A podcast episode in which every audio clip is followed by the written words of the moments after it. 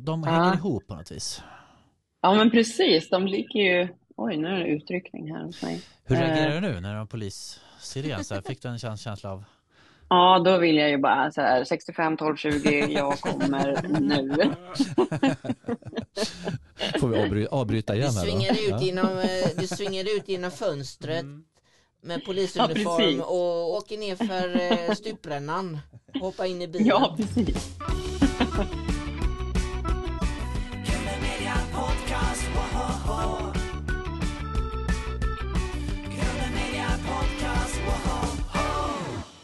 Hej välkomna till Grön Media Podcast med mig Jakob Olsson.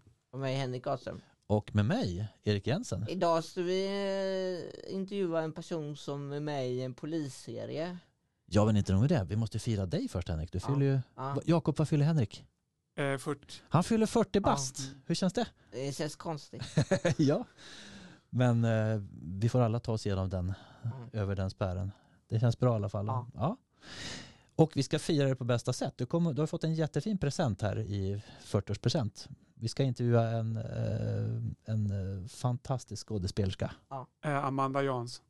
Ja, vi ska ringa upp henne på den, inte tunna blå linjen, men åtminstone Zoom-linjen. Hej Amanda, välkommen till Grunden Mina Podcast. Ja. Välkommen! Oh, Hej! Tack snälla. Tack för att jag Ja. får vara med här. Ja, du är nog den första som får applåder av oss här i studion. Så att Är det jag så? känner lite utvald här. Så att, ja, kanske en ny tradition Ja, vi ska känner- börja med. Ja, Ja. känner mig hedrad. ja, du befinner dig nu i, var då? Jag befinner mig på mitt kontor i Gävle där jag bor. Mm. Jag bor inte på kontoret, men jag bor i Gävle. Ibland kan man känna så kanske när man jobbar mycket. Ja, jo, precis. Nej, men jag skaffade det här kontoret för att jag... eh, Nej, men jag kände lite att, eh, jobba som skådespelare kan ibland bli lite ensamt när Mm. man gör så mycket jobb, förberedelse Mm. själv. Mm. Ehm, så då skaffade jag ett kontor där vi sitter flera andra. Så har jag en Mm. plats att gå till där jag kan researcha och, och sitta liksom lite mer koncentrerat Mm. Eh, och jobba. Sitter jag hemma, då är det så mycket annat. Man ser att så här, oj, där skulle jag kunna vika lite tvätt eller där var det dammigt. Och, Precis, ja. men här blir det fokus. Skönt. Är det en blandat eh, Mm. klientel som sitter där? Är det mycket kulturfolk eller är det mest skådespelare? Då som... Nej, jag är den enda skådespelaren. Ja. Eh, min kompis Lovisa sitter här mitt emot mig och hon har ett eget företag som heter Lovisa of Sweden Mm. som eh, designar utomhuskontor. Aha, Eh, ja, visst, så det är hon. Och så har vi en annan vän, Hanna, som sitter här och jobbar på distans Mm. från hennes jobb i Stockholm. Ehm, och sen är det lite, ja, ett företag som heter Videa som gör lite så företagsfilmer, reklamfilmer, tror jag att de gjorde förut åtminstone. Mm. Ehm, ja, och lite fler. Låter ju som nä- nära till hands för dem att uh, haffa en skådespelare om det behövs spelas in någonting där då, tänker jag. Ja, men exakt. Ja. Det är väldigt taktiskt av mig att flytta hit nu. Ja, ja vad kul. Precis. Eh, hur mår det idag Amanda Jansson? Ja, jag mår, eh, jag mår ganska bra tycker jag. Eh, Det är jättefint väder här i Gävle och det blir jag ju väldigt glad över. Mm. Ehm, Ja, men och sen jag ska på iväg på en show kan man säga ikväll också ja. i Uppsala med några vänner. Så det ser jag fram emot och sådär. Så Mm. jag, ja, jag tycker att jag mår bra idag. Härligt. Är det sol? Du får unna dig. Jag vet inte om Konditori Lido har öppnat uteserveringen än, men eh, då får du unna dig Eh, utekaffe där. nej, det tror jag inte. Ja, det är mysigt eh, café. Eh, vad händer just nu? Är det teater eller film på gång, eh, Amanda Jansson? Eh, Just nu är det film på gång. Jag spelar in en film eh, på Åland och i Helsingfors. Eh, En långfilm som heter Stormskärs-Maja som Mm. handlar om- alltså det är böcker från början av en kvinna som heter Annie Blomqvist. Mm. Och så handlar de böckerna om den här Maja då. då.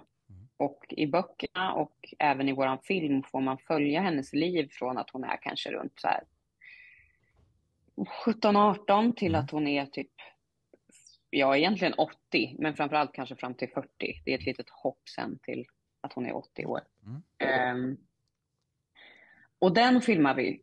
Eh, och den utspelar sig som sagt på 1800-talet och jag spelar Maja. Mm. Ehm, och vi filmar väldigt uppdelat. Alltså som nu är det paus i inspelningen för att vi filmar, vi behöver alla årstider. Mm. Så vi gjorde en inspelningsvecka i oktober och sen körde vi en inspelningsvecka i februari Mm. utomhus på Åland och sen har vi haft tre veckor i Helsingfors där vi har filmat inne i en studio. Mm. Och nu är det uppehåll till eh, mitten på maj när vi fortsätter att göra vår och sommarscener. Mm. Ehm, så det är det jag gör nu och sen i det här uppehållet så i, häromdagen var jag och var med i Doobidoo, Ja, spelade in det, Ah. som, ko- som kommer i höst. Det var väldigt kul. Lasse Kronér vill ju vi Eh, intervjua. ja det är en gäst Ja. som jag pratat om sedan Ja. för några dagar sedan här faktiskt. Ja, ja. Nära till hans också. Han är så trevlig. Ja, Han är så trevlig och, och väldigt bra på hans eh, jobb. oh ja. Du får inte avslöja hur det gick där då. Då blir det en spoiler, men Ja. Doobidoo sen senare Ja, i nej då precis. Ja. Det känns i höst, så ni får titta då hur det gick. ja, Men det var väldigt kul. Amanda, när du spelar in i Helsingfors, eh, kan du finska? Nej, vet du, jag kan inte finska. Eh, jag har ju fått lära mig åländska till den här produktionen. Ah, ja. Men många i teamet pratar ju finska. ja. Så det är väldigt mycket jag inte förstår. Ja. Och det blir en, alltså det blir en mashup av liksom finska, engelska, svenska. Mm. Eh, sen har jag ju snappat upp lite så här finska ord. Så. Det Eh, låter väldigt kul. Men hur skiljer, alltså Ja. åländska, eh, jag är ju väldigt grön där Ja. alltså. Hur, hur, låter det mer svenskt eller mer finskt? det låter mer svenskt. Ja. Alltså de, de, de pratar ju svenska. Mm. Men allting ligger väldigt så långt bak i munnen. Och Mm. eh, E blir Ä. Och alltså, det är lite olika sådana eh, eh, regler. Sådär. Men det är, nog, det är nog den svåraste dialekten jag har fått lära mig. För jag Mm. trodde att det skulle vara mer finlandssvenskt Mm. än eh, vad det faktiskt är. Åländska, jag tycker det låter typ som en blandning mellan eh, ja, rikssvenska, gotländska och lite norrut. Jag tänker Gävlemål, när ändå det- säger E som Ä. Ja, men faktiskt. Alltså, jag, jag tror att jag ändå har... Alltså, även om det har varit svårt så tror jag också att min egen dialekt hjälper mig Mm. i arbetet med åländskan. Att det inte... Alltså jag pratar ju också ganska långt bak i munnen. Mm. Alltså det, att prata långt bak i munnen säger kanske ingenting för någon som inte jobbar med det. Men om man tänker att så här i Lund, då pratar... Eh, vänta nu. Den akademiska skånskan. Precis, de pratar väldigt långt fram i munnen. Att Eh, så. Ja. Allting ligger liksom från mitten av munnen fram till läpparna. Mm. Eh, men medans både Umemål och åländska, det ligger liksom långt bak i halsen så här. Alltså att man pratar så. Jag tänker, du har ju fått hela paletten här. Alltså, du gick ju på folkhögskola i Skåne, Fridhem. Mm. Och Ja. sen läste du på teaterhögskola i Luleå. Så att det var ju liksom ytterligheterna där. Eh, Verkligen. Jag gjorde- paletten. Ja. Ja, jag gjorde samma resa som Björn Elge. Ja, det det. ni också om med honom. ju. ja, Att precis. jag att gick på Fridhem och sen Ja. bytte man liksom ända av landet och tog sig upp till Luleå. Kände ni varandra redan där? Eller lärde ni känna varandra senare? Nej, han gick eh, ju i Luleå tidigare än vad jag gjorde och han Mm. hade hunnit sluta när jag började. Mm. Men eh, ja, vi, vi lärde ju känna varandra då när vi filmade Tunna blå linjen. Mm. Första säsongen. Vilket är roligast, teater eller film? Och det där är så svår fråga tycker jag. Mm. Alltså för jag tycker det finns roliga grejer med båda, eh, vad säger man, uttrycksformerna. Mm. Eh, ibland kan det vara så där att när man gör det ena så längtar man efter det andra Mm. och sen så vice versa. Men alltså jag kan liksom inte välja mellan de två. Mm. Alltså om jag tänker tillbaka till när jag var yngre, då var det ju, då var det ju film som jag framförallt drömde om. Film och tv-serie. Att det är Mm. så här, gud vad häftigt det vore att vara med i något sånt. Så där. Mm. Kollade på Guldbaggegalan varenda år och bara drömde mig Röda och fantiserade. Ja. Ja. Eh, Men sen så började jag ju spela teater. Ja. Och då var det som att, och det hade jag inte gjort så mycket innan, men det var som att det också öppnade upp sådär att, jaha men gud, teater, det är ju verkligen här och nu framför publiken. Mm. Film, det är ju liksom, Mm. där kan man fuska så mycket. Det är inte riktigt Mm. eh, det, eh, det äkta, den äkta grejen så liksom. Men, eh, men och sen så, ja, sen har jag verkligen också fått en annan syn på film, liksom att det är också här och nu det gäller och det är Ja. verkligen ett teamwork och sen är det inte det här här och nu med publiken. Det är ju, det är ju den största skillnaden egentligen skulle jag säga, att med teater, då får du den här direktresponsen. Du kan Ja. känna av så här, men det var, folk var med idag. Och de, sådär. Den kän, alltså jag är ju inte, sitter ju inte med i varenda tv-soffa när folk kollar på Tunna blå linjen eller Nattryttarna och får den direktresponsen. Ehm, men eh, ja, jag vet inte vad som är roligast. Just nu har jag väldigt kul när jag filmar den här eh, Ja. Stormskärsmaja. Mm. Men eh, jag ser också fram emot att jag ska spela teater i höst. Ja. Är du på Gävle stadsteater? Eller vad heter det? Nej, eh, den heter ju Folkteatern här i Gävle, men där är jag inte, utan i höst så ska jag vara på Playhouse Teater i Stockholm Okej. Mm. eh, och sätta upp en pjäs, eller vi har nypremiär på en pjäs som vi spelade under pandemin. Och eh, då var det ju, vi spelade ju bara för 50 pers eh, och några gånger även bara för åtta personer. Eh, så teatern kände väl lite att vi inte hade fått spela spela för tillräckligt många människor. Ja. Och eh, det var en väldigt, väldigt både fin och rolig föreställning att göra. Så jag ser, det ser jag fram emot. Vad kul. Nypremiär i höst på Playhouse. Ja, Eh, stämmer. Med vilka? Är det en eh, kärna? Det är ju då, det är jag, eh, Katrin Sundberg, Häxan Surtant. Häxan Surtant säger du då? Ja. jajamän. Ja, hon är också en gäst som vi skulle vilja... Ja, det är också en drömgäst. Ja. Ja, ta får- med Katrin. Ja, du, Fråga henne. det får du gärna göra. Hon är fantastisk tycker jag. Men du sa fler där också. Jag tror Mm. Jakob känner igen fler här. Ja, men precis. Eh, Steve Kratz vet Ja. jag inte om jag känner igen. Det Men- gör du Jakob. ja. Vad är han med Jakob? eh, Black Jack, Julegav. Ja. Han gör Skalmans röst också i Ja. Bamse-filmen va? Ja. Alltså vilken koll, gud vad imponerad lexikon. jag är. Vi får väl eh, göra lite reklam så här. Nu kommer det här att sändas långt innan dess men eh, håll utkik Ja. får vi säga till lyssnarna här då. Ni som bor i Stockholm framförallt. Uh, Ja, men vi kommer ju inte ifrån Mm. den där polisserien du vet. kan det vara Tunna blå linjen? Ja, Ja, det är inte morden i midsommar kan jag säga. Ehm, Efter två säsonger här då så är du, du är ju Sara med svenska folket. Eh, hur känns Mm. det? ja men det är ju Ja. jättekul att det har blivit så omtyckt, det Ja. vi har gjort.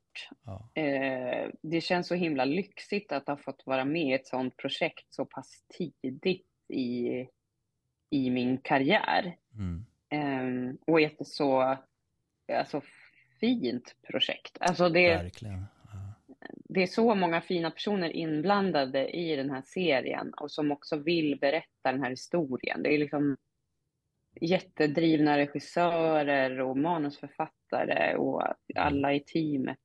Det är, ja, jag har liksom insett att, ja, att det är en lyxig start. Ja, ja, För verkligen. mig. Ja. ja, det är din första stora tv-produktion som du gör.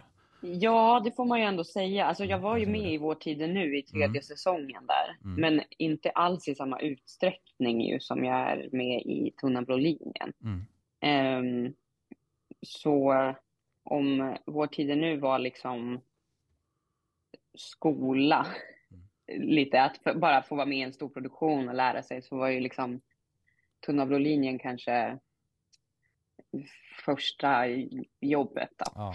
eller vad man ska säga. Jo, så, Amanda, jag tänkte det, eh, du vet innan serien börjar så kommer det ju en sån där man får eh, följa, det är en bil som åker omkring i Malmö. En polisbil? Ja, Mm. man får ju se folk eh, på badplatsen och gå omkring och så. Var de medvetna om att kameran skulle vara där? Alltså, Jag tror faktiskt att det är lite både och om jag minns rätt. Alltså, Mm. eh, vissa är ju absolut tillsagda. Ja. Eh, men sen är det ju också, det är ju Sara som cyklar på eh, den här cykeln Ja. också i vignetten. ja. Ehm, och då var det ju mer att de filmade det som eh, där jag cyklade ja. liksom. Och där är ju människor kanske inte helt medvetna om att de faktiskt hamnade i en, i en tv-serie vignett. Mm. Ehm, eh, men sen är vissa av de här, eller många, de flesta kan man väl säga ändå, är ju medvetna om att ehm, kameran är där. Mm. Och vissa av de här grejerna filmades redan 2017 när vi gjorde en pilot Ja. för den här serien. Ja. Så då har man liksom återanvänt eh, material från den inspelningen Mm. och satt Mm. det i den Mm. färdiga produkten. För det är någon tjej som står med ryggen mot men när kameran kommer så vänder hon sig om. Hon står vid någon affär eller någonting. eh, Ja, precis. Det är faktiskt en av de, en av de eh, scenerna som vi gjorde 2017. Ja. Så hon är ju medveten om att det är en Ja. inspelning och hon är tillsagd att liksom vända sig mot Ja. kameran. Eh, vad tänkte du när du erbjöds rollen som Sara? Ehm, jag blev ju jätteglad när det väl var klart. Alltså det var ju en ganska lång process för att jag provfilmade redan när jag gick på Teaterhögskolan 2016. Aha, okej. Ehm, och då, då när jag fick göra min första self-tape som det heter då, när man bara Mm. spelar in med sin egen telefon och skickar till castaren. Eh, då hade jag blivit kontaktad av castaren och då ville hon bara höra min norrländska. Mm. Det var inte, hon berättade inte vad det var för någonting. Mm, mm. Eh, men jag visste ju att det var Anagram som skulle producera. Eh, och så var jag in på Anagrams hemsida, så här, vad har de gjort för någonting? Typ. Eh, och då var det mycket humor som de hade gjort, så här, hipp hipp. Hipp, hipp, Så då ja. tänkte jag att, ja men, Ja. ja precis. Men, och då tänkte jag att eh, då är det väl något humoraktigt jag ska göra. Mm. Men sen frågade jag faktiskt castaren, så här, vad är det för någonting? Och då skrev hon dramaserie, polisroll. Mm. Och alltså då blev jag så glad. Ja. Alltså för jag typ, ja men alltså det har varit en sån, liksom något jag har skojat om. Alltså jag har kollat så himla mycket på så här Beck och Johan Falk och Wallander och Ja, sådär. ja. Sprungit i mammas kulvert under, eh, liksom i hennes lägenhetshus och så här, ni vet, kikat fram bakom väggar och Ja, att med jag har pistol en pistol. Ja. Ja. James Bond. eh, James Bond style. ja. Eh, ja, verkligen James Ja. Bond-style.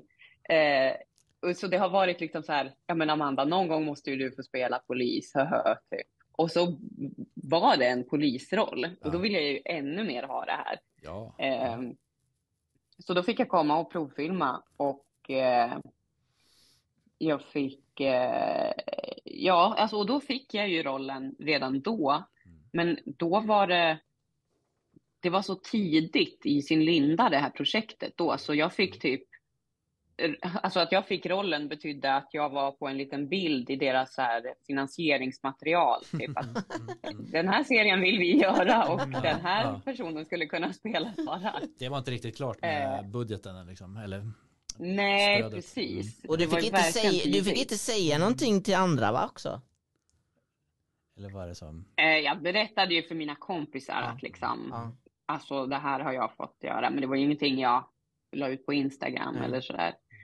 Men, eh, men och sen så dröjde det ju ett tag. Det här var 2016 och sen 2017 då så filmade vi den här piloten. Mm. Och eh, sen tror jag att det tog ett och ett halvt år. Hösten 2018, då var det som att det här projektet blev Mm. greenlightat, Mm, som man mm, säger då. mm, Att mm. det blev, fick grönt ljus. Ja. Eh, och det blev jag ju jätteglad över. Och sen så fick jag ju dock ett samtal några veckor senare om att jag skulle behöva provfilma igen för den här rollen som Ah. Sara. Oj. Ja. Eh, och då blev jag jätteledsen. Eh, eh, men eh, sen provfilmade vi och eh, jag fick rollen. Så det liksom, Ja. allt blev ju bra. Det blev det, men det måste vara en liten fnurra ändå sådär i, eh, jag menar, Ja, men man tänker att verkligen, det var klar, så sen, jobbigt. du får söka om den här. Fick man, fick man förklaring till det? ja, men det var jobbigt och jag tror att det liksom, det som var fint ändå Ja. i det, den situationen var ju att jag hade anagram med mig och alltså så här, regissör, producent och manusförfattare och castare, de ville att jag skulle göra Mm. Sara. Men så tror jag att det är alltid en risk eller en chansning kanske att ta en så pass ny Mm. eh, skådespelare i en så stor roll. Och jag tror att de ville, eh, SVT kanske ville se att jag behärskade mer saker än de hade bara sett i piloten. Mm. Så liksom, vi, ja, Anagram och jag satte ihop en liten dag då vi gjorde lite scener och tog lite bilder Mm. och sen så var det liksom Sen så fick jag rollen. Tänk att eh, den på SVT som möjligen då eh, väckte den tanken om att göra om det hela Ja. eh, lyssnar nu och eh, Ja. hallå där ute, du vet att eh, det där har du fått ångra, eller hur? det blev så bra. Ja, Ja. alltså det hade ju varit Ja. så otroligt surt att Ja. om jag inte hade fått Ja. den och sitta och titta nu på Ja. tunna blå linjen och veta Ja. att så här, ja, det var det där jag gick miste om. Ja. Nej, men så är jag ju så tro, såklart otroligt glad över att det att det blev som det blev. Att det gick så. Och jag tror att den här provfilmningssituationen som Ja. uppstod då igen gav oss en hel del. Ja. Alltså i jobbet, arbetet med Sara. Mm. Hade du någon tanke på att det skulle bli en sån här succé? Och vad, vad är hemligheten bakom det här enorma genomslaget? Mm. Alltså vi hade en hel del funderingar över hur det så här skulle gå för den här serien. För den är ju... Jag, jag tänker ändå att den har något nytt. Den är inte vilken polisserie som helst. Inte som en polisserie vi är vana att se den. Att det ska eh, ske ett mord och i sista avsnittet får vi reda på hur det gick. Utan det här handlar ju mer om eh, personerna bakom uniformen och hur de hanterar det de får se på jobbet. Ja. Och sen är den ju också filmad väldigt så dokumentärt, inte så putsat själva fotot och utseendet. Så Mm. Jag tänkte nog så här, men gud, vi kanske gör det lite för eh, artsy, eller lite smalt typ. Mm. Men, eh, och jag vet att vi pratade, typ jag, eh, Sanna, Anders och Gisem om så här, vilka ska, vilka ska kolla på det här då? Vilka är målgruppen? Och ja, vi vet inte riktigt sådär. Men sen visade det sig att eh, typ alla var målgruppen. Ja. Det, det blev ju så otroligt uppmärksammat och omtyckt av både publik och kritiker, framförallt första säsongen. Ja men Ehm. den är ju så, förfärlig. jag tycker den är väldigt empatisk. Ni ser ju Mm. människorna bakom maskerna, både i polisyrket och in i minsta biroll. Mm. Jag tänker på den man som vill komma in till sin dementa fru på hemmet och står där på en steg Ja. och så visar det sig att det är han som är den Ja. dementa. Alltså varenda liten eh, detalj är så genomtänkt och väldigt, eh, Ja, men vad fint att du säger det. Vad fint. väldigt Det- vär, värme i den liksom. Ja, ja, men jag tror också att det är liksom, det handlar ju om livet, Mm. det här, den här serien. Alltså mycket, Mm. och människor som vi alla ser på gatan eller vi kanske har erfarenhet av dem, den problematik som Mm. eh, visar sig oavsett om det är att barn far illa eller Ja. eh, kvinnomisshandel eller eh, bara ja, men folk på gatan. Alltså så där, jag tror att det finns mycket man kan beröras av Mm. och som eh, man kan också känna igen sig i. Trots att folk inte är poliser så kan de ändå rent Ja. känslomässigt Ja. förstå och sätta sig in i de här olika personernas dilemman. Skildrar komplexiteten i Mm. människor. Väl, väldigt fint alltså. Ja, tack. Säga, vi får hylla Silla Jackert också. Eh, vilket geni. Absolut. Det är hon som har skapat Ja, serien. verkligen. Som hon har jobbat med det här. Eh, vad är det bästa med Silla Jacket, Amanda Jansson? Eh, det bästa med Silla är, jag menar, alltså, hon är ju otroligt duktig på det hon gör. Mm. Eh, att hon är ju huvudförfattare och sen har det funnits liksom avsnittsförfattare, men det är ju verkligen hon som har mm, ja, burit det här projektet och det är eh, otroligt bra skrivet manus, jätte liksom, spännande situationer hon eh, hittar på. Eh, Alltså, och för det är så många olika situationer också. Mm. Mm. Alltså hon har ju behövt lägga ner ett sånt jäkla stort eh, jobb. I, Vi träffar ju på så olika personer i alla avsnitt. Och så många roller och eh, men, och ändå trots att de här rollerna kanske är med i en scen så lyckas ju hon få fram ändå en, att vi får en medkänsla eller vi får en uppfattning om den här personen. Ja, ja, Och det är ju otroligt skillat alltså. verkligen. Mm. Och sen är hon en eh, trevlig och härlig person också. På det. Ja, det, det bidrar mycket till konceptet. Jag tänkte att det är en Ja, person med EQ också. Hur hittade du din karaktär? Alltså hur gick du in i Sara som, eh, och skapade henne? Eh, ja, eh, jag skapade ju henne absolut tillsammans med liksom, regissör och med, bara genom att läsa manus så får man ju bilder av vilken person hon är. Men det jag fick mycket hjälp av var ju, alltså dels så här, eh, när det kommer till röst och kropp så jobbade jag ju med hennes Umemål. Just det. Eh, hon kommer ju från Umeå. Mm. Och jag tycker om att jobba med dialekter och tycker att det är en gåva att få, få en roll tilldelad sig som kommer från ett, någon annanstans än vad man själv kommer ifrån. Mm. För rösten ger ju jättemycket till, ja, men till karaktären och uppfattningen av en person. Mm. Och sen till kroppen, alltså man ser ju Sara mycket i polisuniform och där behövde jag faktiskt inte göra så mycket. Alltså för det är en väldigt tacksam kostym att ha, den här polisuniformen. Det, blir, det sker någonting i din kropp när du får på dig den. Eh, Det kommer liksom en pondus i det och du är tvungen att gå på ett visst sätt för att typ orka bära upp det här. Ja. Sen om, vi, om det är liksom utsidan av Sara, så insidan, där eh, läste jag ju på mycket om hennes eh, kristna tro.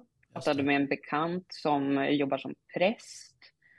Ehm, och, eh, och, och sen så får man ju ta mycket av sig själv. Alltså så här, det gör man ju i alla roller.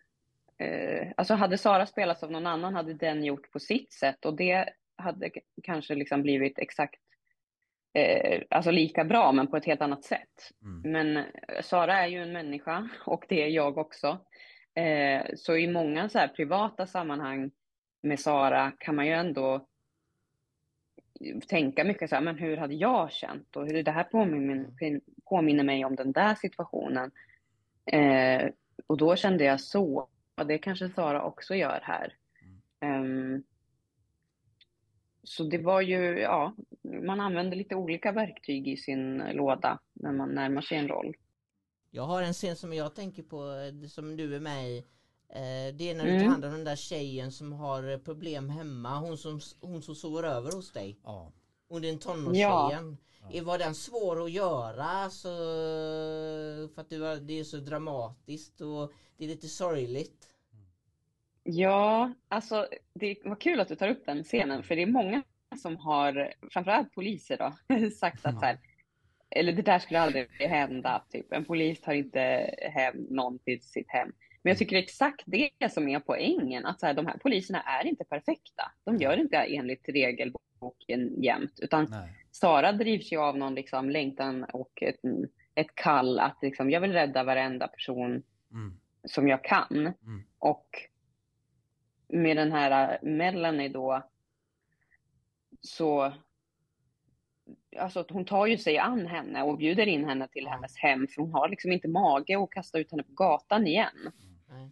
Och alltså på ett sätt räddar hon ju Melanie men kanske inte på det bästa sättet. Alltså det är inte ett hållbart sätt som Sara hjälper henne här. Melanie kan ju inte flytta in hos henne. Hon blir ju sur på Sara och går. För att hon Ja, upptäcker precis. att Sara, Mm. eller hon upptäcker Melanie har tagit någonting eller vad det är. Så, Precis, hon Ja. slår till mig till och med med den här ja, just det. Hårborsten. Är det. Hur var det att Eh. spela in den scenen med, med, henne? Nej men jag, jag tycker eh, Isabella Vad heter Magga hon? heter hon. Mm. Ja. Isabella Magga tror jag hon heter. Eh, om jag minns rätt. Eh, jätteduktig, ung tjej ju, första gångs skådespelare. Eh, som jag tycker gjorde Melanie jättebra. Eh, och det är ju mycket just det här med hårborsten, då är det ju en stuntperson där som liksom eh, visar en hur man ska göra, en stuntkoordinator som gör så att jag ska inte skada mig på riktigt. Nej. En tagning minns jag dock att, ni vet en sån här hårborste, Mm. den kan man ju ta bort själva den här Mm, delen med piggarna på, mm, mm. eh, på vissa hårborstar. Och den stack ju iväg en gång och bara Aj, aj, aj. Drog till en på riktigt. Mm. Det sved till, men eh, det gav ju samtidigt någonting till situationen, att det faktiskt gjorde lite ont på riktigt. Ja. alltså, Men var det många äckligt. omtagningar med det med hårborsten när Melanie kastade den på dig? Eller slå till dig? Eh, jag minns inte riktigt, men ja, det var ju inte som att vi gjorde det på en tagning, Nej. utan det blev kanske fyra, fem stycken. Ja.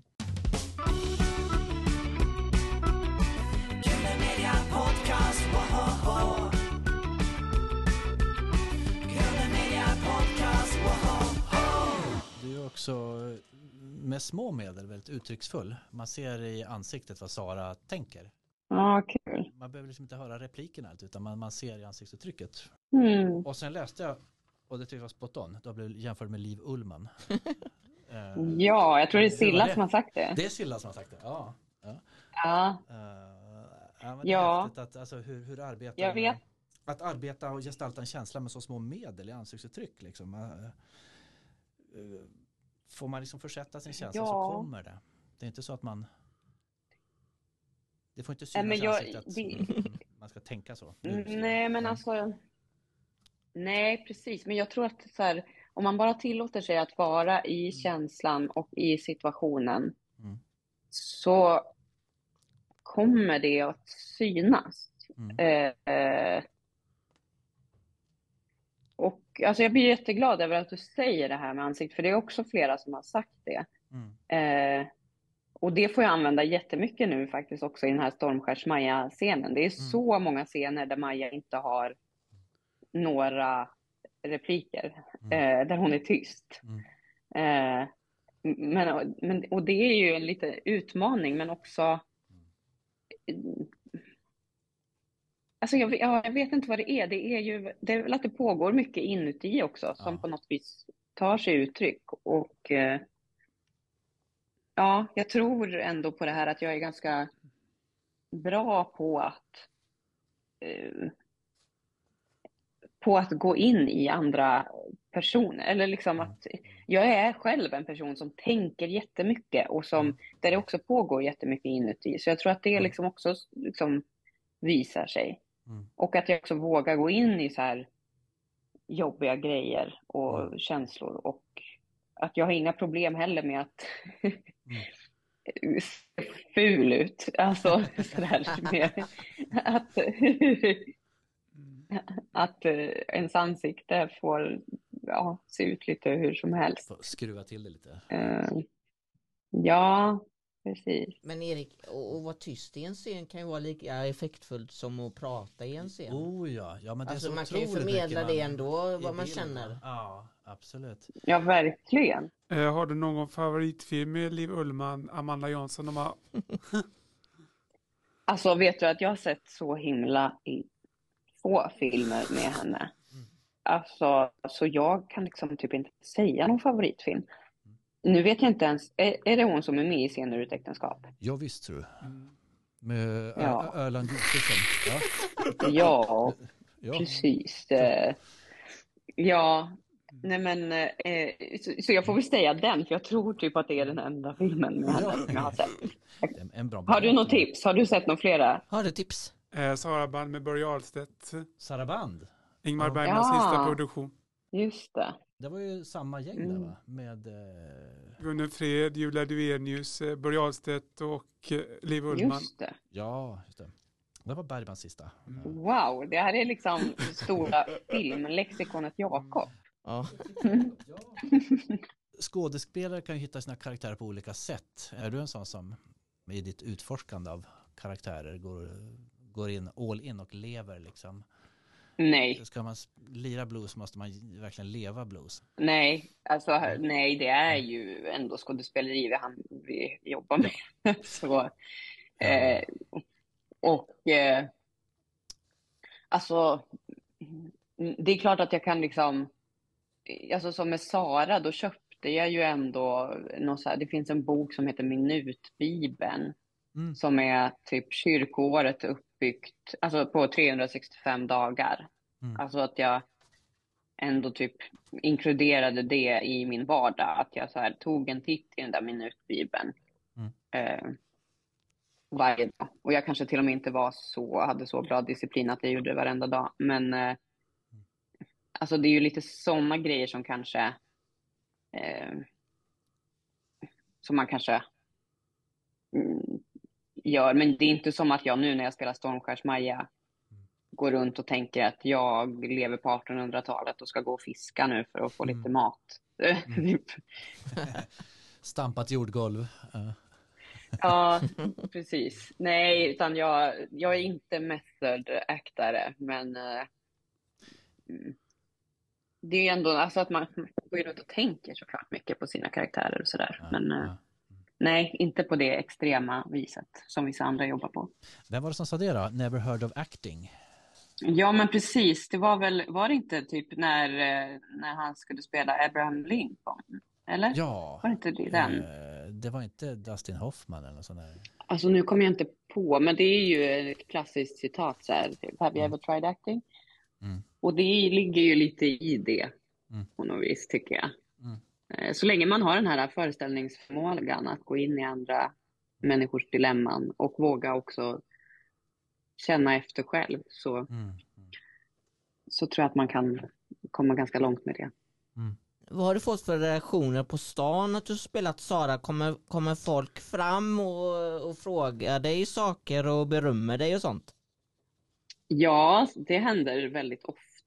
Eh, Både Ja. i verkliga livet och på Instagram. Sådär. Ja. Jag får otroligt mycket kärlek av människor. Eh, både här i Gävle på stan men också när man är på andra ställen. Och till och med i Helsingfors. Eh, Ja. så, Ja, den sänds där också.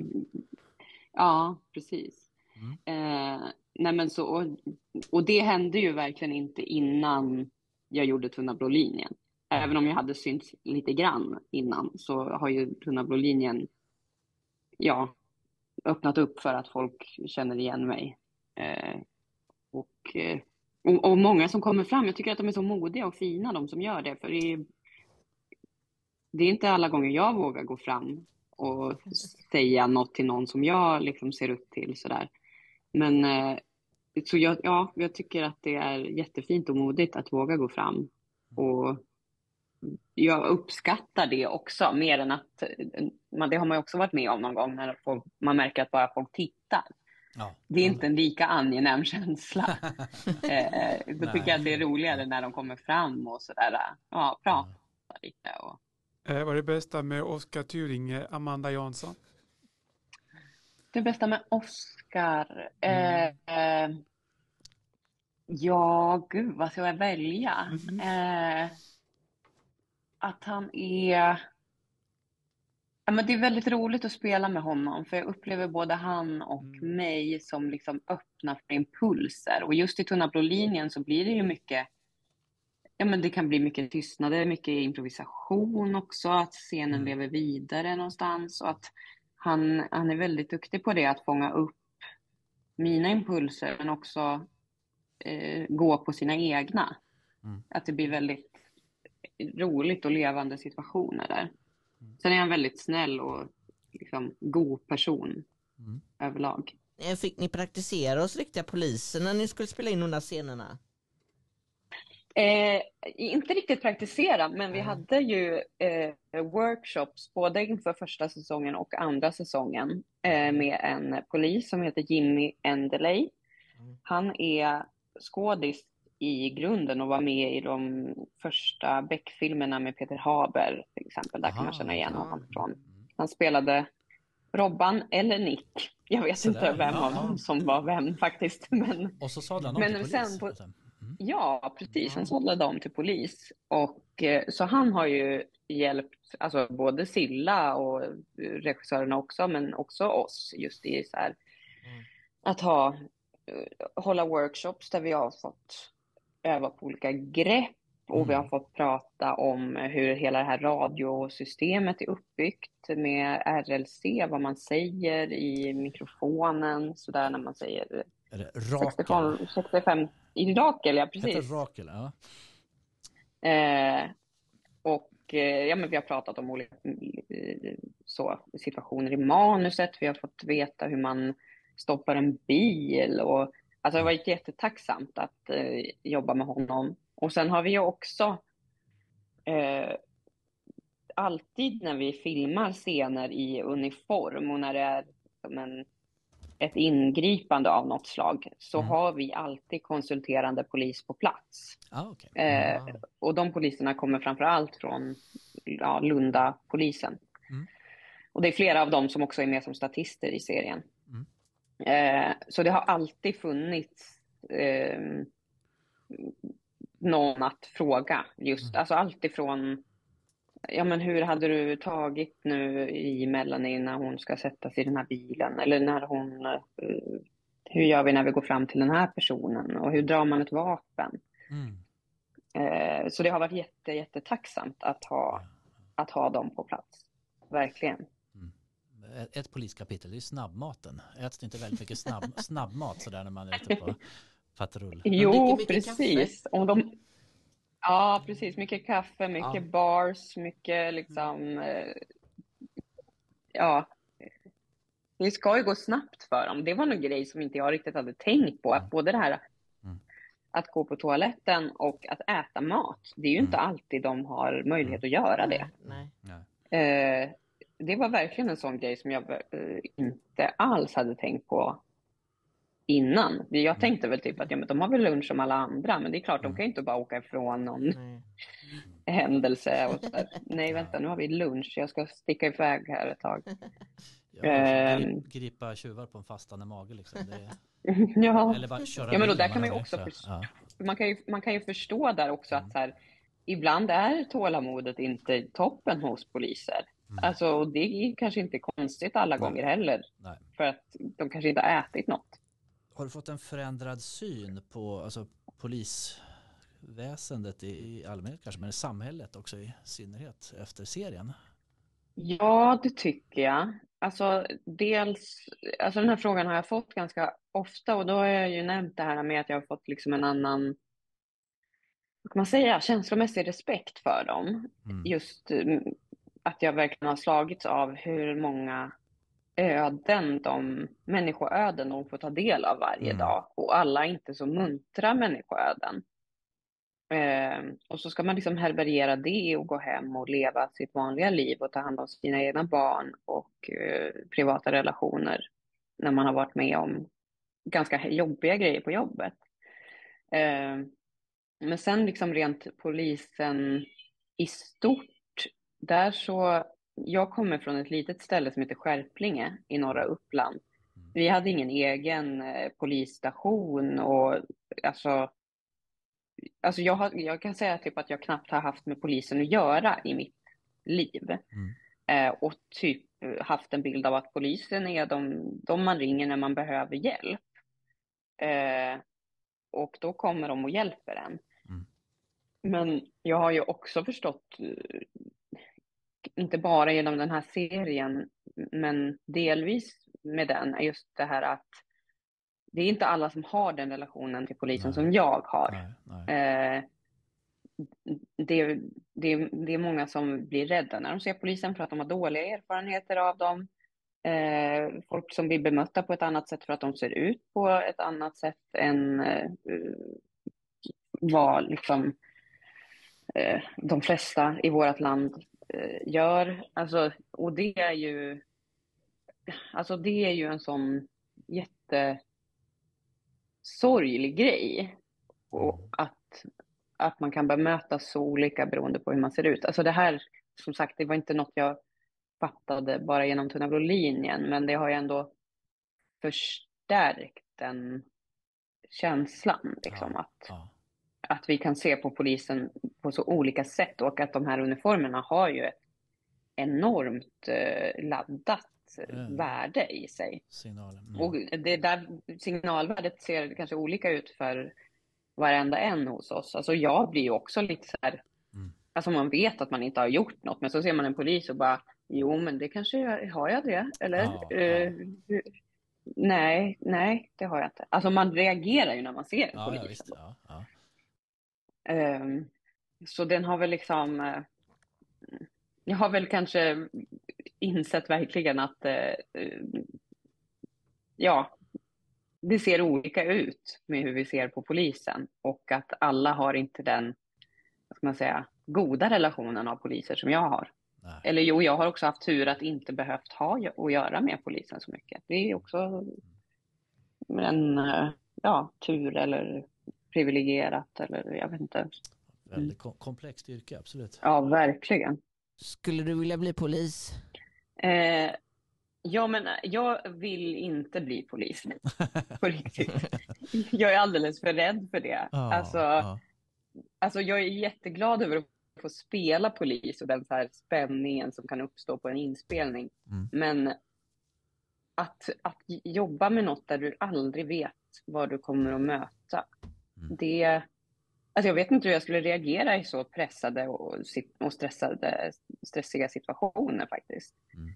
Eh, jag tror att jag eh, passar bra som en fake eh, polis. Ibland har jag dock känt att det är så här, jo men jag skulle nog kunna ry- rycka ut på ett pass. Alltså skulle de behöva någon extra så kan jag åka med för att vi har ändå lärt oss så himla mycket om det här. Ja, ja. Men eh, sen har jag också tänkt att nej, det kanske är bra att jag är framför en kamera i så fall.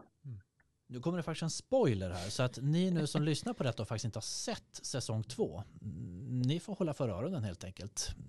Och så får, vi väl, Mm. eh, får ni spola fram någon minut eller två. Ehm, Men säsong två avslutas ju väldigt dramatiskt. Eh, Mm. Saras poliskollega Lea, Hon blir Mm. påkörd av en lastbil. ja, Ja. Hur var det att spela in den scenen med lastbilen?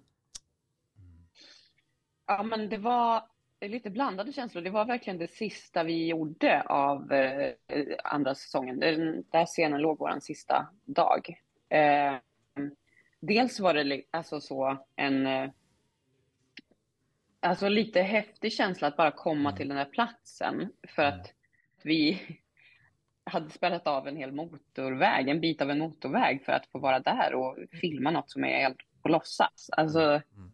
det är liksom, det är häftig, var en häftig känsla tyckte jag.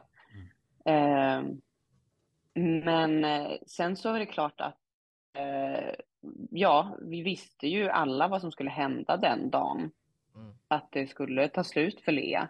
Mm. Eh, men det är också ett såna, vid sådana tillfällen blir det också mycket eh, tekniskt. Alltså att eh, vi delade ju upp mycket av scenen. Eller det här, i början av scenen är det ju ett vanligt eh, ingripande. De ska åka och hjälpa någon som Ja.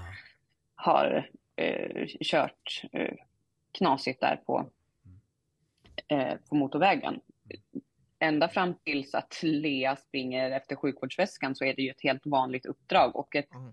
eh, det är en väldigt, eh, eh, vad ska man säga, riskfylld plats att vara på för poliser just Ja. i trafiken.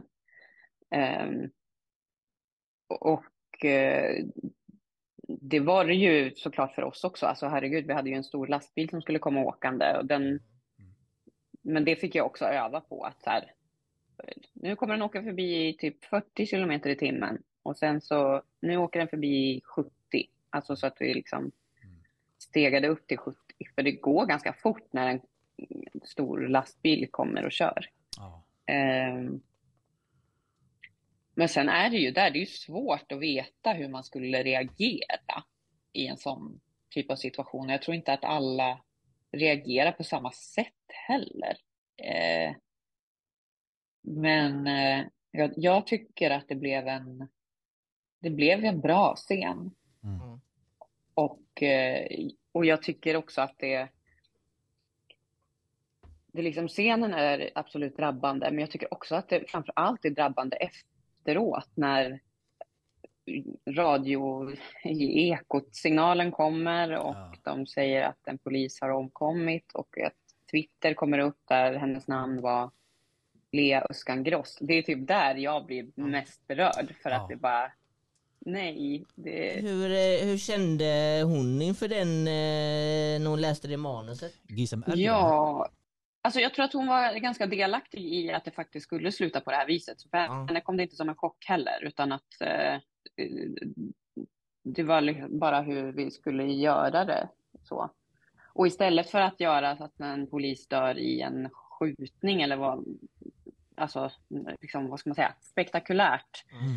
eh, så blev det just eh, i trafiken. Och det tror jag också är, alltså det, det, är ju en, som jag sa, en riskfylld plats för polisen att vara på, en av deras mest riskfyllda ställen. Eh, men jag vet att hon har sagt att hon tyckte att det var lite Alltså jag tror att hon är lite lika som jag, att man säger bara, ja men ja, jag kan göra vad som helst. Typ, mm. så här, att, jag, att man tycker om att det blir de här extrema scenerna och ja. eh, dramatiskt och sådär. Men jag vet också att hon sa att hon tyckte att det var lite läskigt att sen faktiskt ligga under den här lastbilen och att hon hörde hur den lät och att det liksom, men gud, tänk om de börjar rulla nu och sådär. Kommer du sakna Gisem i serien? Om det nu blir en ja, men... säsong tre. Det känns ju som det kanske blir det. Ja. Eller? Eh, ja, men det kan jag säga att det är officiellt att det, det. Silla mm. skri skriver på mm. en säsong tre. Ah, eh, sen mm. tror jag inte att det är ett eh, liksom, eh, riktigt produktionsbeslut taget än. Men eh, det skrivs och eh, Silla jobbar på. Det är klart jag kommer sakna grisen. Hon är verkligen en, eh, mm. ja men hon är ju en del av vårt gäng. Alltså ja, det är klart ja. man kommer känna att hon fattas den där nere. Hon är den där coola man. polisen. Hon har väldigt ja. mycket attityd mm. i serien, alltså så. Ja. Lite mer ja. Sara, de kompletterar väldigt bra där. Ja. Olika personlighetstyper. Liksom. Ja, precis. Uh. Jag tror att de behöver varandra och kan inspireras varandra, inspirera varandra på olika sätt. Där. Vi ser fram emot en säsong tre alltså. Det, det här är en cliffhanger, Kul. verkligen. Uh, så ja. efter den. Men alltså, det här var inte din första insats i polisseriesammanhang. Du har ju Nej. varit med i, Be i Beck. Ja. Ja. Eh, ja, precis. Jag har varit med i Beck. Och, men den, den, alltså, den kom ju ut, alltså den, eh, den kom ut innan Tunna blå linjen, men jag filmade mm. det faktiskt efter att jag hade gjort första säsongen av Tunna blå linjen. Ja, ah, det var så då. Mm. Ja, mm. och där eh, spelar jag ju liksom ingen polis, utan mm. i en, eh, ja, på andra sidan där. Just det. Eh, mm. Men, nej men och det var jättekul. Alltså som jag sa, jag har kollat jättemycket på Beck, så när jag fick förfrågan om att provfilma för en Beck-film så var det bara så här, nej men herregud, va? Skojar ni med mig? Typ. Eh, och så var det ju jättekul att jag fick den rollen och jag tycker också att det var en eh, rolig roll att göra. Var du på eh, bad guy-sidan? Alltså lite både och skulle ja. jag väl säga. Eh, jag ska inte kanske spoila för de som inte har sett det, men eh, det var en dramatisk roll kan man säga. Utom rimligt tvivel heter Utom rimligt tvivel, ja. Det ja. han ett dött spädbarn som hittas, eh, för mig. Ja, precis. Exakt. Vi gillar att backa bandet här också. Vår mission att vara här i ditt liv. Då måste man ju börja från början också. Vill du bli skådespelare som barn, Amanda Jansson? Ja, ja, det ville jag. Jag har alltid tyckt om att stå och typ mima. Alltså mm. jag och några kompisar på fritids hade så, Spice Girls, eh, vi var Spice Girls. Alltså man kom till fritids och så var det direkt in i ett rum och... Ja. Vem var du? Ja, jag var nog oftast hon Mel B. Melanie. B. Mm, mm. Eh, ja, men och så, ja, ja, ja, mycket mimande har det varit. Både framför speglar och framför släkt och eh, Mm. sådär. Och sen så vet jag också att jag, eh, alltså jag spelade inte teater som barn, men jag tyckte att det var väldigt kul när man fick kolla på teater i skolan. När det kom något gäng och eh, uppträdde i, i gympasalen.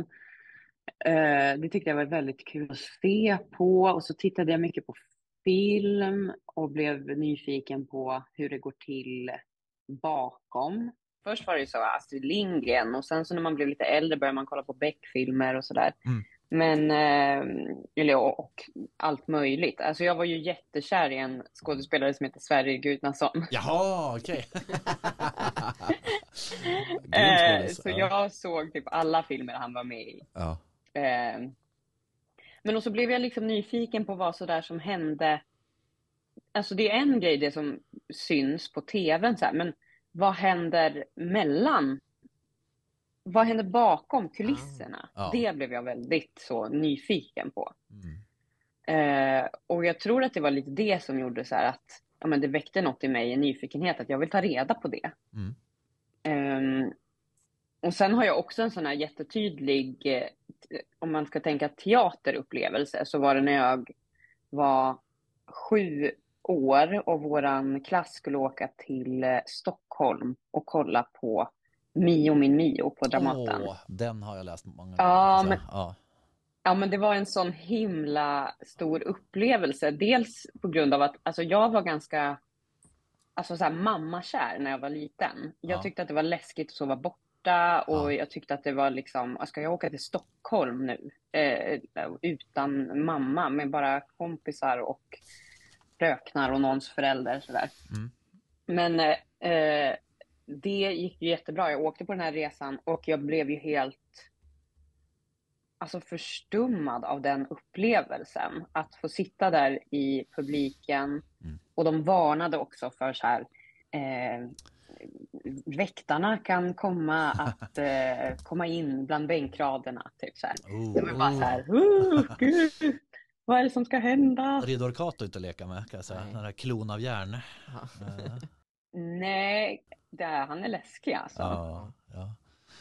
Ja, Men det var, det var nog min, så här största, min första största teaterupplevelse. Mm. Och, ja, och så det var liksom lite på den vägen. Mm. Från mimandet till nyfikenhet på film, Mio min Mio och bara, Mm. jag vill göra det här jag också. Ja, Amanda, du, vet, du sa ju att Mm. du ville se vad som hände mellan tagningarna på en film. Mm. Eh, Blev du inte lite besviken när, om det är någon favoritfilm som du vet hur de har gjort effekterna? Där sanningen Ja, avslöjades. så Eh. sanningen är där bakom. Ja, Det var bara fusk. det var bara fusk ja. Nej, men, nej, jag tyckte nog bara att det var spännande. Ja. Ja. Alltså så här, jaha, har de gjort det så där? Alltså, jag älskade ju att köpa DVD-filmer och kolla på så här extra material. Ja. Eh, och bloopers. Och ibland fanns det också så här kommentatorspår. Då just kunde man se filmen och så var det typ kanske någon skådis eller regissören eller manusförfattaren som tittade på filmen och man fick höra deras eh, reaktioner. Mm. Det som är typ jättestort på Youtube nu, det gjorde de då fast på DVD. Ja. Sådär reaction video typ. Just det. Ja. Det var jättespännande för då fick man ju reda på massa grejer Mm. som man inte hade vetat. Det är ju väldigt mycket fusk i film. Ja, ja. Du, du har berättat någonstans att du kämpade mycket med eh, prestation och rädd för att inte duga och sådär. Eh, Var teatern ett sätt att hantera den här vardagen? Att få gå in i en roll och bli någon annan och så? Eller? Alltså på ett sätt är det ju som en, en form av verklighetsflykt flykt som alla håller på med som skådespelare. Alltså att man lite så slipper eh, sitt eget så. Mm. Samtidigt som att jag nu mer kan känna att jag kan typ processa kanske saker i mitt eget liv, i det jag gör framför en kamera. Mm.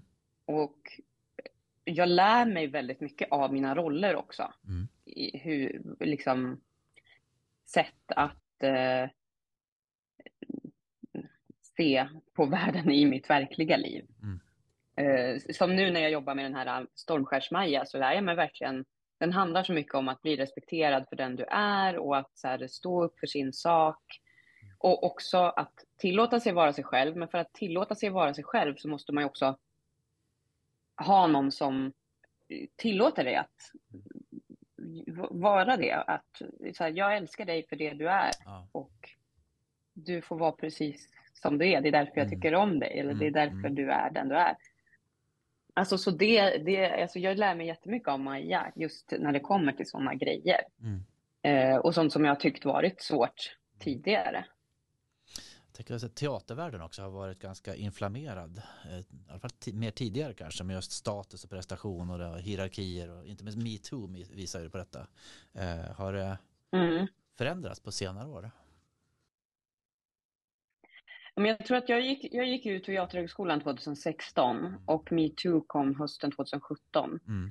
Och jag tr tror att det var väldigt så.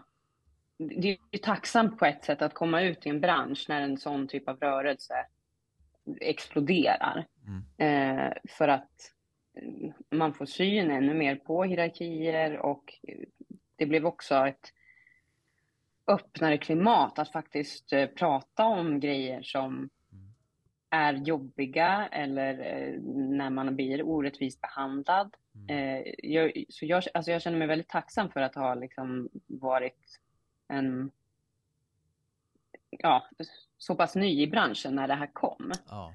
Och jag tror att vi bara måste fortsätta eh, jobba på alla de här grejerna, för det är ju normer och sätt vi har jobbat på som sitter så stenhårt i oss. Mm. Eh, och jag kan liksom se mig själv som en medveten och woke person. Mm. Men samtidigt så kan jag ju också hamna i situationer där jag blir tyst trots att jag upplever en, en total, väldig orättvisa här eller någon som beter sig på ett dåligt sätt. Mm.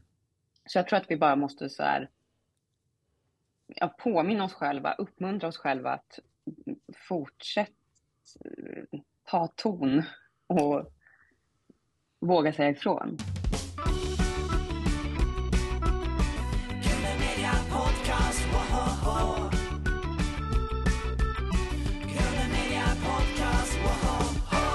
Eh, vad tänker du idag när du tänker på den unga Amanda? Ja, fin fråga. Mm.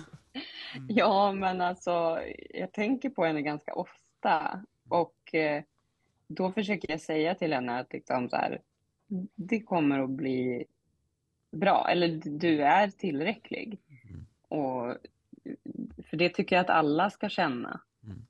Eh, men jag, alltså jag kan ju tänka och bli fascinerad på när jag tänker så här att men den lilla Amanda som var så här tio år och gick i skolan, mm. det är fortfarande jag. Alla steg som... Alltså det är ju hon som går här också. Mm.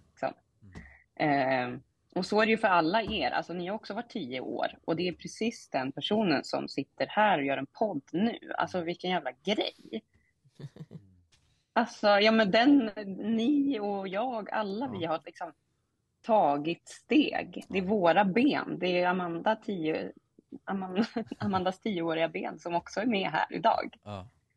Eh, och det, alltså man ska klappa sig på axeln för att att man eh, har tagit sig dit man är.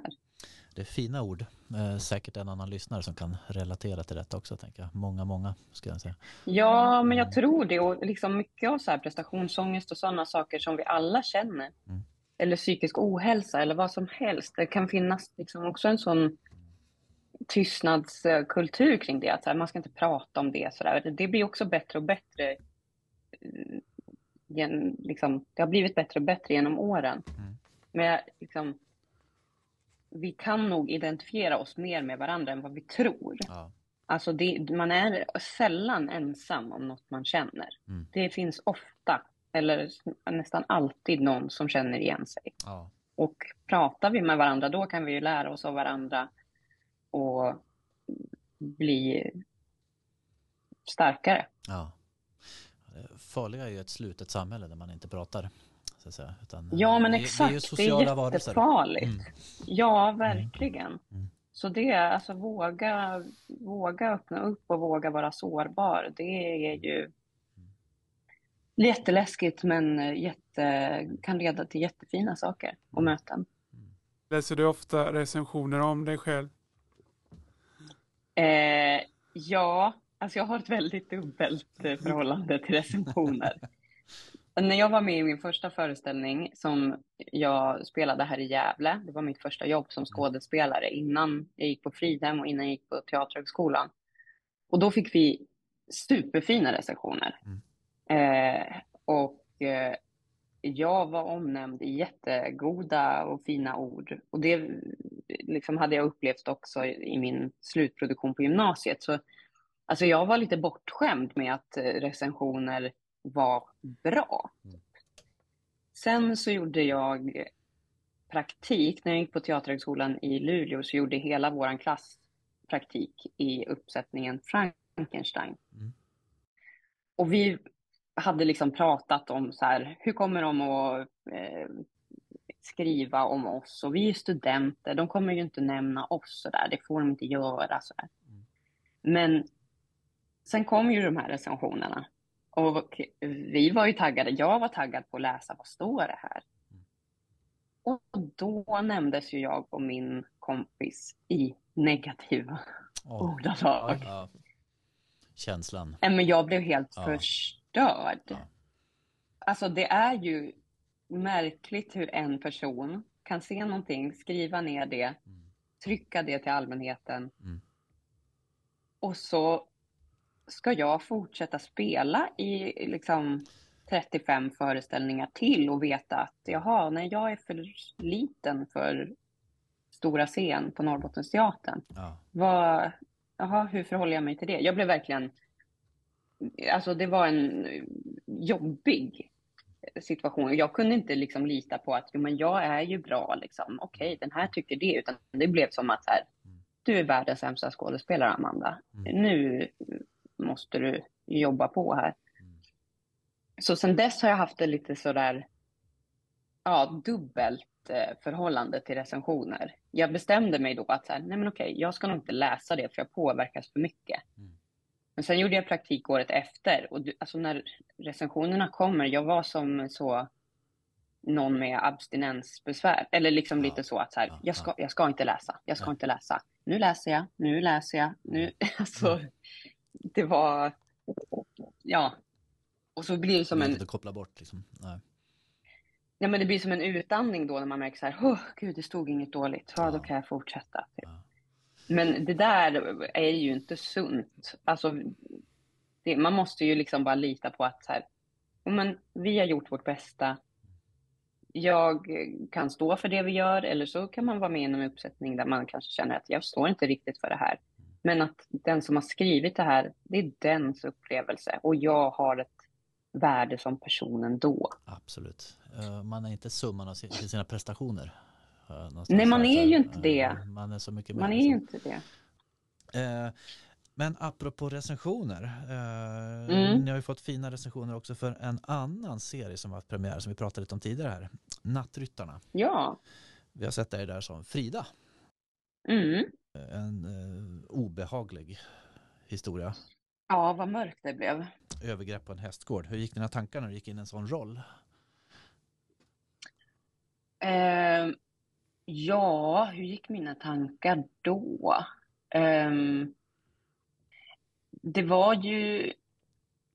Alltså det var ju, alltså det är ju spännande att hamna i ett sånt sammanhang. Dels med så mm. många så otroligt duktiga och fina människor. Mm. Och det tror jag behövs när man ska berätta en sån här eh, historia. Mm. Eh, mm.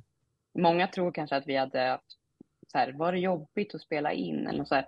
Och det var faktiskt inte så jobbigt. Nej. Alltså för att vi hade det så himla fint runt omkring. Mm. Eh, och eh, jag tror att när jag fick se de två första avsnitten färdigklippta, färdiggradade och ljudlagda. Mm. Jag blev själv förvånad över att det var så mörkt och så tungt. Ja. Um, det hade jag ju såklart förstått innan också, för det är ju ett jättehemskt, eh, det är ju en jättehemsk historia det här. Att, Mm. och att några har levt i den här världen på riktigt. Det Ja. baseras ju på en sann historia. Just det. Det är ju det mest skrämmande kanske. Ehm, men och det är ju intressant att som, alltså som Frida är ju ett offer för den här Tommys eh, övergrepp. Samtidigt så försvarar hon ju honom Ja. i rätten och sådär. Och det, det är ju alltid intressant att få spela en karaktär som är så komplex Mm. på något vis. Mm. Och många har ju varit förbannade på Frida också sådär när de har sett serien. Ja. Alltså jag har hört det så många gånger så här, bara, nu är jag arg typ på Frida. Varför, så, varför satt hon och ljög i, i, i rätten? Och mitt jobb är ju på något vis att alltid försvara Frida. Man, det är ju någon sägning så här, att man ska kunna försvara sin roll. Mm. Och eh, det... Eh, jag försvarar ju henne, för alltså, hon vet ju inget annat. Nej. Alltså, hon har inget socialt nätverk, skyddsnät runt sig. Mm. Det här är hennes vardag och hon måste göra på det här viset. Och sen är hon också såklart manipulerad av den här Tommy att göra på det här viset. Har du fått reaktioner på stan över den serien? Eh, ja, mycket fina och positiva, men också just det här eh, när, om det var avsnitt fyra, när den här eh, Mm. rätten, scenen var. Ja. Då var det ju, alltså, mm, alltså folk som så här pratade med mina, med mina föräldrar, så här, bara, men nu, vad, vad fan gjorde hon nu, typ? Nu, Mm. eh, nu tycker jag inte om Amanda, Mm. eller, Nej, nej. så här, eller Frida då. Mm. Eh, Så sådana reaktioner har ju också nått mig såklart. Hur var det att spela med Jonas Karlsson?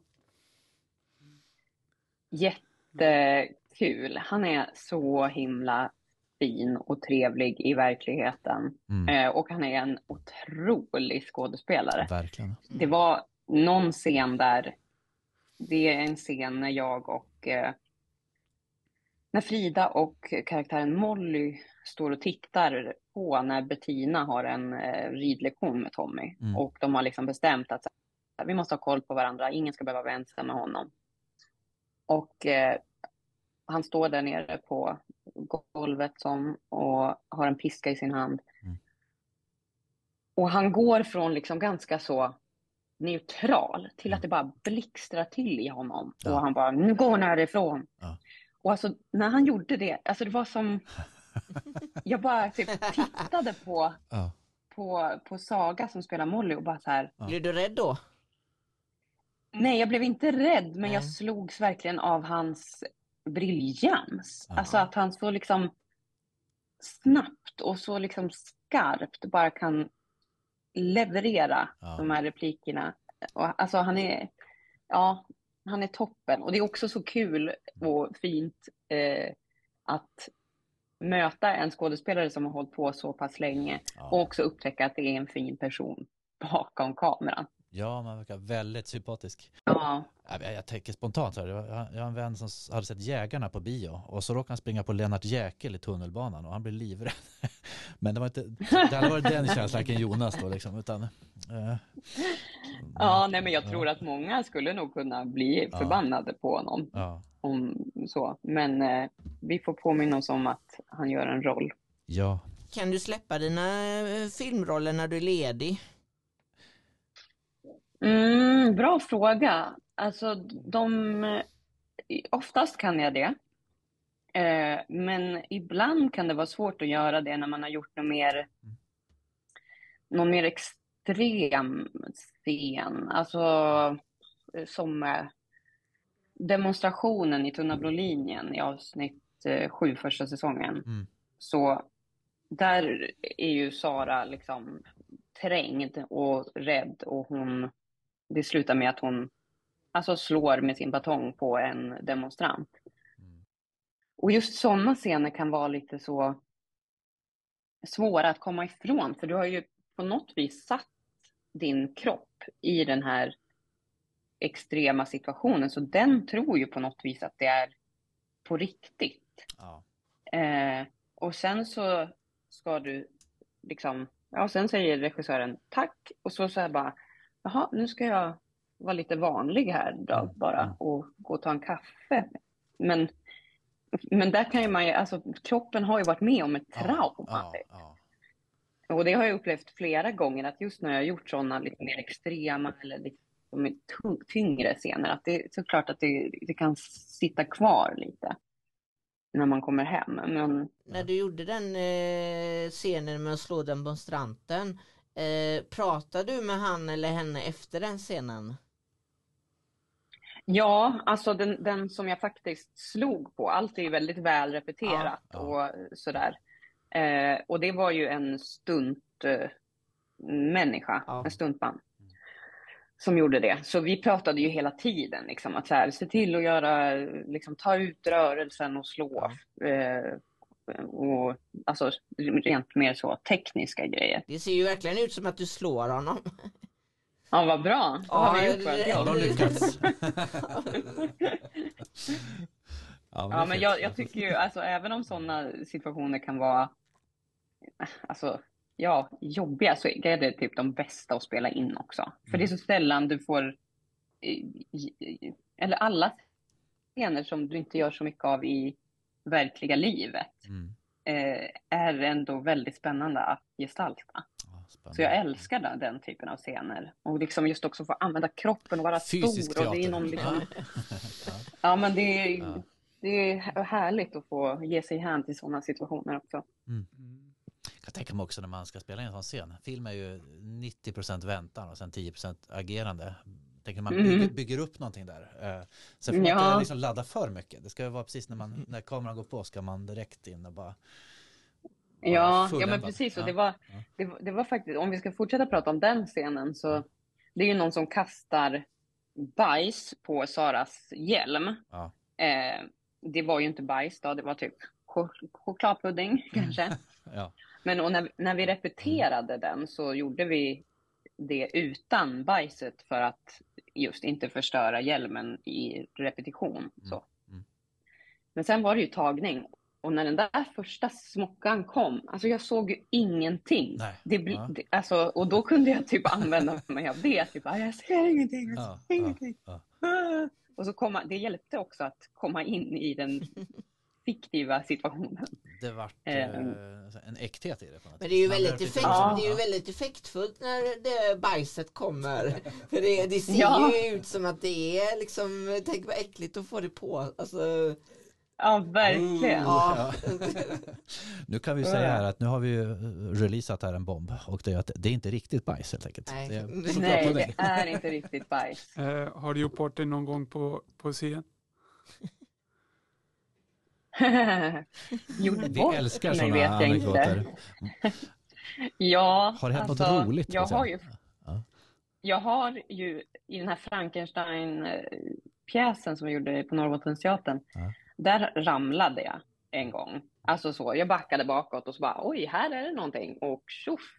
Eh, eh, ramlade. Men sen har jag också fått blackout när jag spelade på Playhouse i en teater i Stockholm. Mm. Där jag... Eh, ehm, alltså det blev totalt svart i mitt huvud, mitt i en mening. Mm. Det är en situation där jag går från att vara med min medspelare till att jag ska vända mig ut och gå till publiken. Mm. Och någonstans i den här transporten så blev det bara helt blankt. Alltså jag hade ingen aning om vad jag skulle säga och jag bara stod där. Mm. Och tänkte att så här, mm, det, är, det är ingen vits med att jag så får panik nu och stressar upp mig. Mm.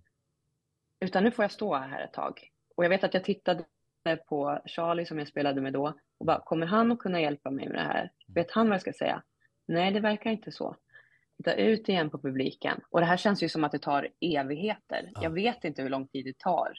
i- Tog i, van, liksom i, i verkligheten. Men, men eh, jag bara stod där och till slut så sa jag något så här. Nu har jag tappat ordet. Mm. Och så till slut så bara. Nu vet jag vad jag ska säga. Ja. Mm. Och så kom jag tillbaka. Eh, alltså, och det var... Det, det är ju en svettig situation Ja, att hamna i, men där är jag faktiskt där... Och jag är ändå stolt över att jag tog mig igenom den situationen utan att så bara på en gång ropa text. Eh, för, eh, så, men eh, ja, att jag bara litade på att så här, okej, jag kommer stå här och till slut kommer tillbaka och det gjorde det. Och det, eh, ja, ja, det, det satte ju spår såklart, för man vill ju inte att en sån där situation ska hända. Nej. Alltså, för då blir man ju ännu, alltså till nästa show vill man ju så här, okej, nu ska jag gå igenom, nu ska jag verkligen gå igenom alla mina repliker innan vi kör. Mm. Men eh, det är ändå en häftig situation och faktiskt så det var, alla trodde inte att det var att jag kom av mig. Mm. Alltså, det där är också så intressant vilken typ av makt man har när man står på en scen. Att så här, Ja. Publiken kan tro att det där var helt planerat. En Ernst-Hugo-pausering ska jag Vad säga. gjorde De, han? de brukar vara rätt långa. Ja. När Ernst-Hugo gör Ja. det. Så här.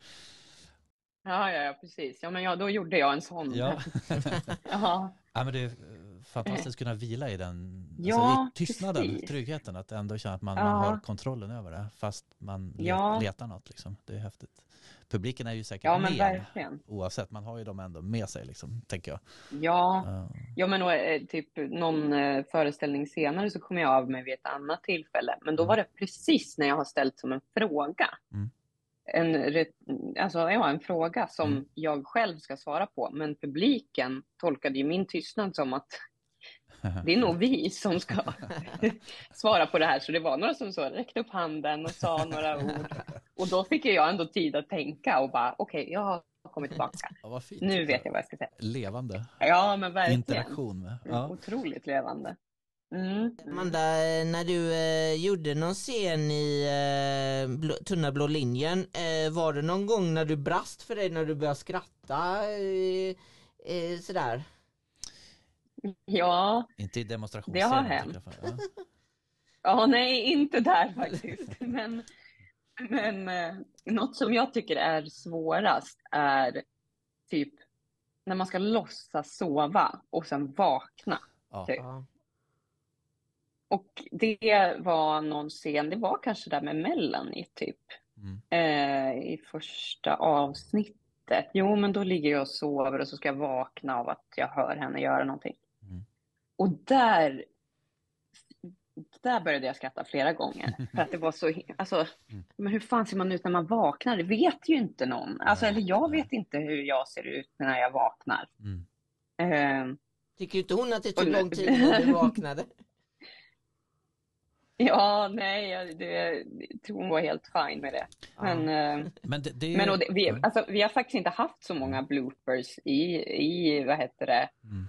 Eh, Tunna blå. Det är nog därför jag kommer ihåg just den situationen. Mm. Och sen vet jag att det var en scen med Björn Elgard Just det. i, när vi är uppe i Umeå som egentligen är Staffanstorp i Skåne. Nu kan det sägas. Eh, Dialekten där förledde har-. Ja. Där har vi en scen i hallen i mitt så barndomshem, eller Ja. i Saras barndomshem. Ja.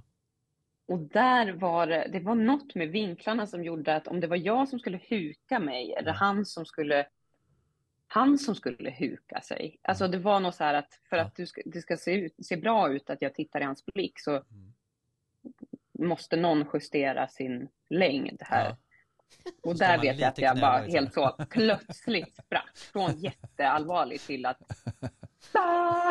Började han skratta när du började skratta? Jag tror nog att han eh, garvade lite då. Mång, det var många i teamet som, jag tror att de blev totalt, väldigt överraskade, nästan lika överraskade som jag just över att det kom ett skratt där. För Mm. det skulle ju vara så allvarligt i scenen, men, men det, det, det får man bjuda på. Det händer ibland. Ja, Och det är fantastiskt att titta på. Alltså jag Ja. älskar att kolla på YouTube och så här, Ja. bloopers. Ja, det- är För det är så fantastiskt. Vi har en massa Ja. fina sådana här också. När vi, vi får klippa ihop några och göra sådana här best of. Uh, bloopers med Ja. våra gäster också. Det är väldigt kul. Verkligen. Skulle du vilja spela i Hollywood? Ja, alltså jag har aldrig haft en dröm typ om att spela i Hollywood. Men, eller det, det har jag kanske fortfarande inte. Men däremot så vore det ju spännande såklart att, att göra film utomlands. Mm. Um, och det tror jag att jag har, det har väckts lite nu. Alltså nu, nu filmar jag ju utomlands då, för att det är Finland, det är typ så nära Sverige vi kan Åland. komma. Mm. Men, eh, men det har ändå väckt någon form av lust att göra en så större mm. roll i en större produktion. Mm. Uh, så vi får se. Men jag tänker också att alltså jag, jag skulle liksom inte tacka ja till vilket projekt som helst bara för att det var i Hollywood, utan jag vill ändå att det ska vara en, en film som jag går igång på, ett tema eller en karaktär som jag känner att ja, men det här, den här personen vill jag berätta om eller jag vill vara en del av det här sammanhanget. Mm. Um, så ja, så skulle jag väl svara på den, den frågan. Vi tycker, alltså, nu behöver du inte Hollywood. Eh, vad är det bästa med Gävle? ja, men det bästa med Gävle tycker jag är eh, Alltså, vi har ju Gavleån som går genom hela stan mm. och jag älskar eh, vatten mm, ja. och eh, natur. Mm. Och jag bor väldigt nära också, ja, men dels Gavleån men också eh, ett ställe som heter Bolongerskogen som vi har här. Ett stort eh, en stor som park kan man säga med massa olika gångvägar och jättefin natur och natur som är fin både på våren, sommaren, hösten, vintern. Mm. Eh, så det tycker jag väldigt mycket om i Gävle och också att det är så, det, det är nära till allt för det är en ganska liten stad. Mm. Eh, och eh, ja, vad tycker jag om mer? Ja, men att det ligger så pass bra också att typ ta sig till Stockholm på en och en halv timme. Mm. Då kan jag välja att åka dit om jag vill, eller så kan jag vara kvar i Gävle. Konditori Lido också får vi säga. Eh, ja, det... absolut. Ja, men vi har, alltså jag har ju några sådana, alltså Elsas eh, Coffee House heter den väl? Heter det? Elsas brukar jag bara säga. Det är ett mm. jättehärligt café som har jättegoda sallader och otrolig uteservering på somrarna. Mm. Och, så det finns några sådana här guldkorn verkligen mm. som jag tycker om. Eh, träffar du Rolf Lassgård i Gävle ibland? Alltså jag har mött honom på en promenad faktiskt. Mm. Och där, det känns ju på ett sätt som att man känner varandra bara yes. för att man jobbar med samma sak. Ja. Men vi känner ju inte varandra. Alltså vi har aldrig träffat varandra. Mm. Eh, så. Eh, nej men och sen så när, när jag var yngre så såg jag honom på eh, hockeymatcher ibland när Brynäs spelade. Nej men på, ja så hockey och en promenad har jag sett honom på men annars har våra vägar aldrig mötts. Eh, vad gör du när du kopplar av? Eh, när jag kopplar av så brukar jag träna. Jag går till gymmet. Eller så, alltså jag älskar också att ligga i soffan och liksom kolla på serier eller eh, reality. Mm. Jag börjar varje dag nu med att kolla på Robinson. ja, eh, det håller fortfarande. Eh, ja, efter ja, alla dessa år. Eh, ja. Men, nej men och sen så tycker jag ju om att pyssla. Alltså framförallt i mitt hem. Mm. Sådär, att, alltså jag är intresserad av inredning. Mm. Jag tycker om att så här, göra det fint, köpa lite blommor. Um, och också att så, pyssla, alltså vara kreativ med händerna och mm. kanske måla eller lägga ett pussel eller eh, skapa något av en gammal konservburk. Alltså ja. lite så. Det tycker jag är medita meditativt att faktiskt ja, um, ja skapa ja. något, pyssla ja. någonting. Ja. Och sen promenad och podd är ju alltid skönt också. Ja. Podd i öronen och så. Mm.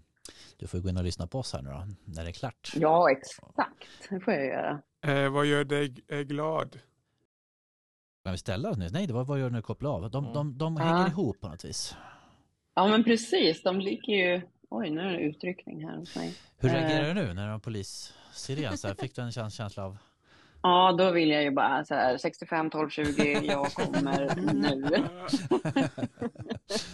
Får vi avbry avbryta igen du svingade, ut genom, eh, du ut genom fönstret mm. Med polisuniform Ja, och åker ner för eh, stuprännan. Hoppa in i bilen. Ja, precis. 65-20 till Lido. Ja. Ja. Ja, jag måste ha en räkmacka nu och en bulle. ja.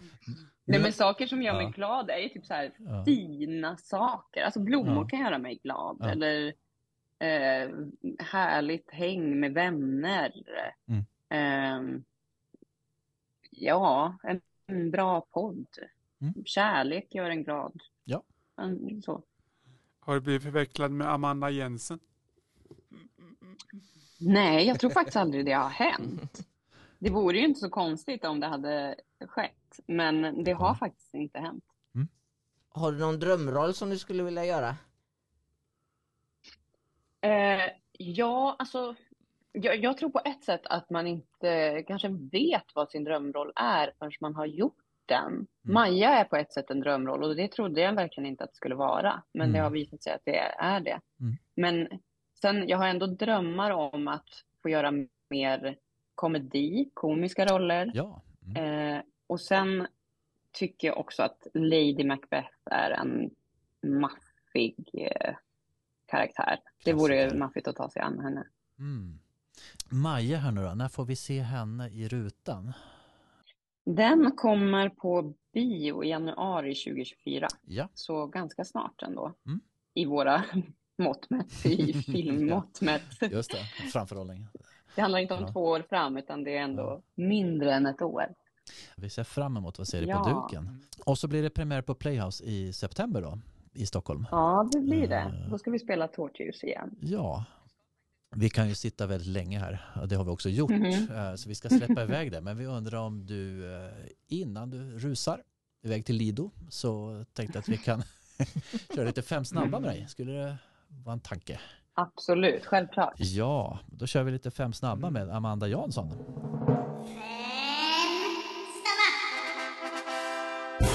Lars Norén eller William Shakespeare? Oh, eh, Shakespeare.